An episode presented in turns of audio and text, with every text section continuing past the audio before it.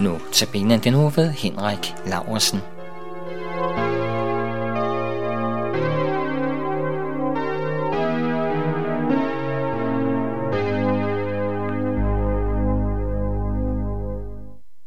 I dag vil jeg pege på de to gange, Paulus siger for at i de første vers af kapitel 4 i Galaterbrevet. Prøv at høre godt efter. Her kommer kapitel 4, vers 1-7. Paulus skriver, hvad jeg mener er, så længe en arving er umyndig, adskiller han sig ikke fra en træl, skønt han er herre over alt. Han står under formyndere og forvaltere indtil den tid, hans far forud har fastsat. På samme måde med os. Da vi var umyndige, trællede vi under verdens magter. Men da tidens fylde kom, sendte Gud sin søn, født af en kvinde, født under loven, for at han skulle løskøbe dem, der var under loven, for at vi skulle få barnekår. Og fordi I er børn, har Gud sendt sin søns ånd i vores hjerter, og den råber, Abba, far. Så er du da ikke længere træl, men barn, og er du barn, har Gud også gjort dig til arving. To gange siger Paulus for at, og vi ved jo godt, hvad for at betyder. Det siger nemlig noget om hensigten eller formålet med det, vi gør. Jeg gik til købmanden for at købe to liter mælk. Formålet med min gåtur var at købe mælk. Jeg børstede tænder for at undgå huller. Formålet med min daglige tandbørstning er at undgå huller. Jeg ringede til min mor for at ønske hende til lykke. Formålet med mit opkald var en lykønskning.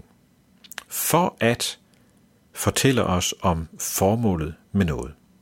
Og som sagt, det bruger Paulus to gange, begge gange i vers 5, hvor han skriver, For at han skulle løskøbe dem, der var under loven, for at vi skulle få barnekår. Formålet med, at Jesus blev født af en kvinde, altså blev menneske, formålet var dobbelt. Han skulle for det første løskøbe os, og så skulle han for det andet give os barnekår. At han skulle løskøbe os er fokus i store dele af Paulus' brev til Galaterne. Og det er også fokus i rigtig mange prædikner og taler og undervisning, og sådan skal det være.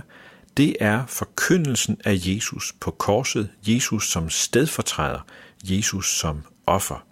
Og med det, med det er vi helt inde i øh, centrum af vores kristne tro. Jesus blev menneske for at løs købe os, betale en pris, en høj pris, for at købe os fri. Men der er et formål mere, og det er det, jeg særligt vil sige noget om i dag.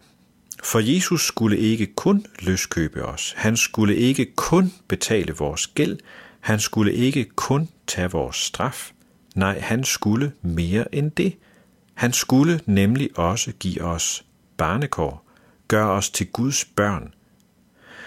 Når vi tror på Jesus Kristus, er vi altså ikke bare kvitt med Gud, nej, vi er også blevet Guds børn. Vi har fået barnekår, barneret. Prøv lige at overveje, hvor stort det her er. Prøv lige at overveje, hvor fantastisk det er, at Gud er vores far, at Gud vil være vores far.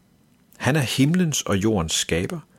Han er den almægtige, den alvidende, den hellige og retfærdige. Han er den ophøjet, han er kongen, og han er også vores far. Den far, der elsker os mere, end vi kan forstå. Den far, der elsker os ubetinget og ubegrænset. Den far, der ønsker at være tæt på os og følge os. Den far, der er stolt af os og glæder sig over os. Gud er vores far. Gud er min far og din far. Jeg ved godt, at ordet far ikke klinger godt i alle ører, for der findes desværre mange dårlige, eller i hvert fald mindre gode fædre i denne her verden, og det kan være svært for nogen at øh, associere noget godt med det ord.